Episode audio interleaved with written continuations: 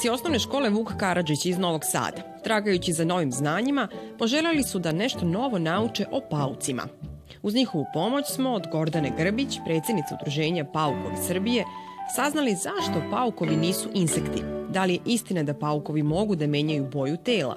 Zašto pauk ima veliki problem kada se zaljubi? I još mnogo zanimljivih stvari.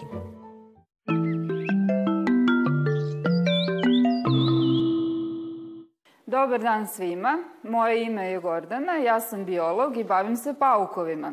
Ja sam znači arahnolog, tako se zovu biolozi koji proučavaju paukove. Ja sam član udruženja Paukovi Srbije. To vam je jedan specijalni centar za proučavanje i zaštitu paukova. Kad budete stariji, možda budete želeli da postanete naš član. Ja sam zato danas ovde da vas naučim nešto novo o paukovima, nešto zanimljivo a posle ćemo se malo igrati. Takođe, čula sam da ste smislili neka pitanja za mene, pa da čujem. Koje je prvo pitanje? Zašto paukovi nisu insekti? Da bi odgovorili na to pitanje, treba da uporedimo insekta i pauka i sve će nam biti jasno. Evo ovde imate dve slike. Na prvoj slici je mrav. Svaki mrav, svaki insekt ima telo iz tri dela glava, stomak i grudi. Insekti imaju šest nogu, imaju antene i neki insekti kao što su recimo leptiri imaju krila. Pauk ima telo iz dva dela. Glava i grudi su spojeni u jedan region, glaveno-grudni region, imaju osam nogu, imaju stomak, nemaju antene i nemaju krila. Znači, ako niste sigurni da li je insekt ili je pauk, vi prebrojite noge. Znači, insekti uvek imaju šest nogu, paukovi imaju osam nogu. Paukovi imaju još nešto što insekti nemaju. To su recimo pedipalpi, nešto kao ruke, i helicere, nešto kao zubi. Pedipalpi ruke im služe da pridržavaju hranu dok jedu, a zubi im naravno služe da love tu hranu. Helicere, odnosno zubi, imaju jednu kanđu koja izgleda opasno i strašno i u toj heliceri se nalazi i otrovna žlezda, znači nalazi se otrov. Međutim, većina paukova ima u stvari jako slabe helicere, ne može da vas ujede, ne može da vas povredi, to znači da paukovi u stvari nisu opasni za nas. Ako nisu insekti, u koju grupu spadaju? Paukovi su posebna grupa životinja, kao što su insekti insekti, tako su paukovi paukovi. Međutim, paukovi imaju braću i sestre od tetke, od stričeva, imaju neku rodbinu, kao što su recimo škorpije, krpelji, kosci, i svi oni zajedno čine jednu veću grupu životinja koja se naziva paukolike životinje. Ono što je za sve njih karakteristično jeste da imaju osam nogu. Znači, kada niste sigurni šta gledate, prebrojite noge. Paukolike životinje imaju osam nogu. Koje boje su paukovi? Paukovi mogu da budu najrazličitijih boja, boja što možete da zamislite. Znači, srećemo i crne i braun najčešće, međutim mogu da budu i plavi i crveni i žuti, mogu da imaju štro, štrafte, mogu da imaju tufne, mogu da budu roza, zeleni. Znači, sve boje koje zamislite, takvi paukovi mogu da budu. Mogu recimo da navijaju za zvezdu, a mogu da budu navijači partizana, znači da budu crno-beli ili crveno-beli, je li tako? Da li je istina da paukovi mogu da menjaju boju tela? Znači, jeste i to je tačno. Paukovi, neki paukovi, ne svi, mogu da menjaju boju tela. Evo ovde recimo imate jednu vrstu koja je promenila boju tela. Ovo su cvetni paukovi koji menjaju boju tela u zavisnosti od cveta na kojem se nalaze. To naravno se ne dešava odma, treba im jedno 3 do 5 dana da promene boju tela. A zašto to rade? Da bi se bolje uklopili u svoje okruženje i da bi bili bolji lovci. Da li je tačno da paukovi mogu da imitiraju druge životinje? Odlično pitanje i to je tačno. Paukovi mogu da imitiraju druge životinje. Zašto to rade? Zašto imitiraju druge životinje? To rade iz dva razloga. Prvi razlog je da budu bolji lovci, a drugi razlog je da ne budu pojedeni. Ako ličite na nešto što inače nije jestivo, a bubamara nije jestiva, onda ni vas neće jesti.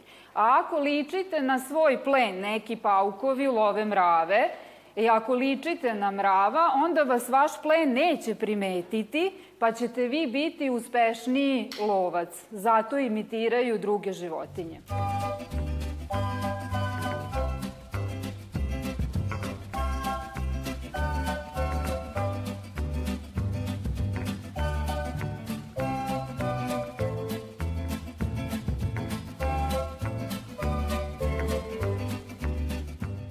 Znamo da li je pauk kojeg gledamo mužak ili ženka? Vrlo lako.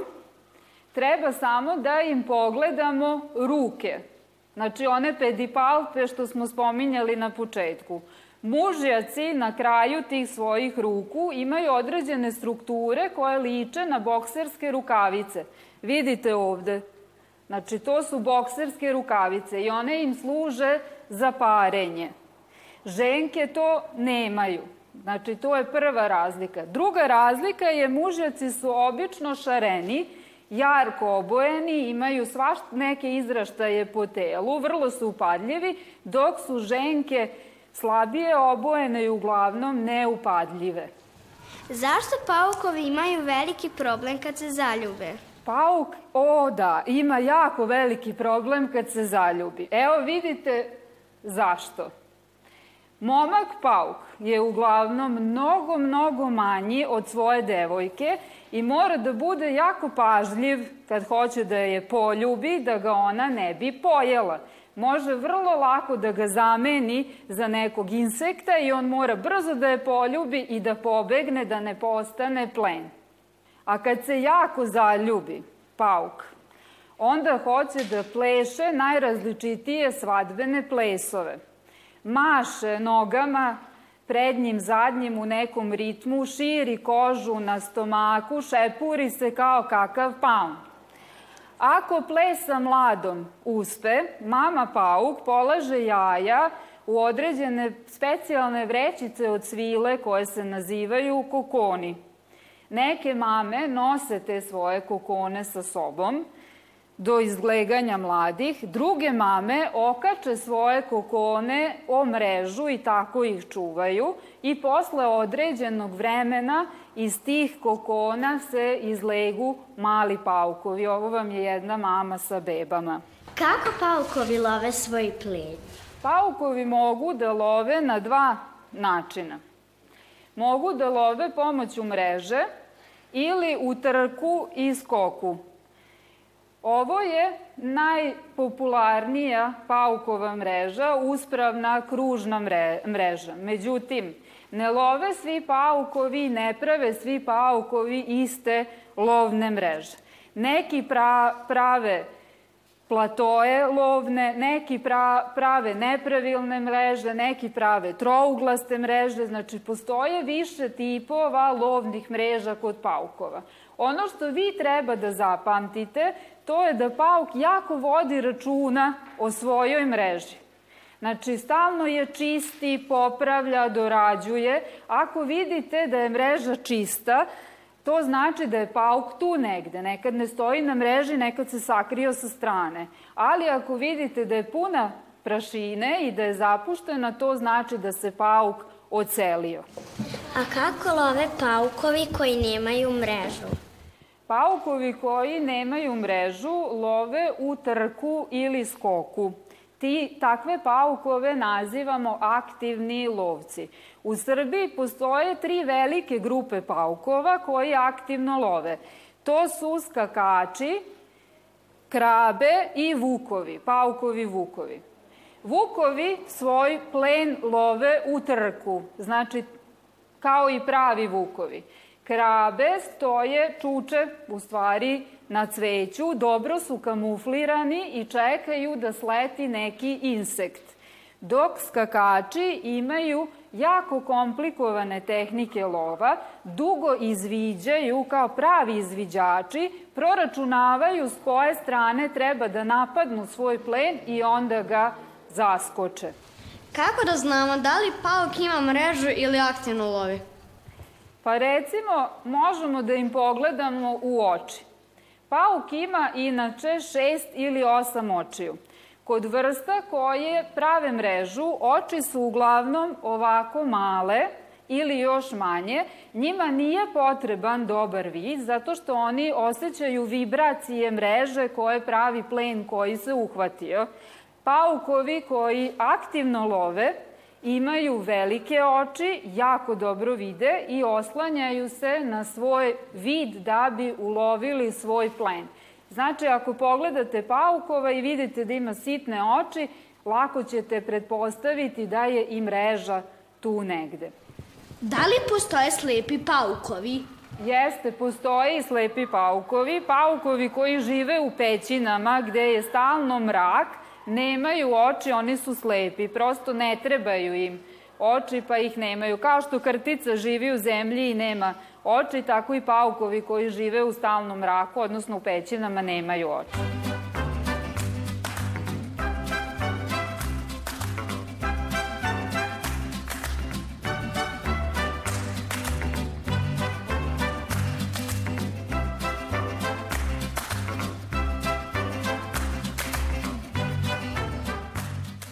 Gde sve žive paukovi? Paukovi sreće, paukove srećemo na najrazličitijim mestima koje možete da zamislite. Znači, imamo šumske paukove koji žive u šumi, imamo livatske koji žive na livadama, naravno paukove srećemo i u našim kućama, međutim ima jedna vrsta koja živi na jednom posebnom mestu. Živi u vodi. Ovo je jedan pauk, zove se vodeni pauk i on živi u vodi. Naseljava stajaće vode, kao što su bare i jezera, sa puno vodene vegetacije, ali i tekuće vode, kao što su potoci. Kako dišu pod vodom? Paukovi koji su se prilagodili životu u vodi imaju jedan specijalni mehanizam koji se zove zaliha vazduha oko stomaka. Organi za disanje kod pauka se nalaze na njihovom stomaku. Zato je jako važno da imaju zalihu vazduha oko svog stomaka. Kako oni to rade? Videli ste kako ronioci nose one svoje boce kiselnika ove, kad idu da, da rone. E tako i pauk vuče ovaj svoj vazduh sa sobom. Izroni na površinu vode i brzo se spusti unutra. Pošto ima jako guste dlačice na svom stomaku, vazduh ostane zarobljen u tim dlačicama i može da diše. Znači, ostane kao jedan magacin vazduha oko tih dlačica. Pauk napravi i jedno zvono od paučine, koje se zove podzemno zvono ili mehur i to zvono puni vazduhom. Znači, pravi ga sve veće i veće, dopunjava vazduhom, svaki put ide na površinu vode, proturi svoj stomak, brzo zaroni, napuni svoje dlačice vazduhom i te dlačice i te taj vazduh prebaci u to zvono. Gradi zvono dogod sam ceo pauk ne može da stane u njega. U tom zvonu se on onda hrani, pari, podiže mlade i ostane da prezimi, znači da spava zimski san dok ne dođe proleće. Iz tog zvona takođe lovi. Paukovi vodeni mogu da love larve komaraca, muva, larve žaba, što su u stvari punoglavci, znači mogu da ulove punoglavce, ali isto tako mogu da ulove i manje ribe. Danas smo čuli zanimljivih priča o paukovima, međutim, treba svi da zapamtite i ono što je najvažnije. Paukovi su korisni i neophodni su nam, zato što love insekte, oni su njihovi prirodni kontrolori brojnosti, znači bez njih bi se insekti nekontrolisano razmnožavali. Znači, kada ga vidite, nemojte ga ubijati, nego ga iznesite. Ako vam je u kući, iznesite ga napolje. On će sigurno naći neko svoje sklonište gde može da bude koristan ako vama u tom trenutku smeta.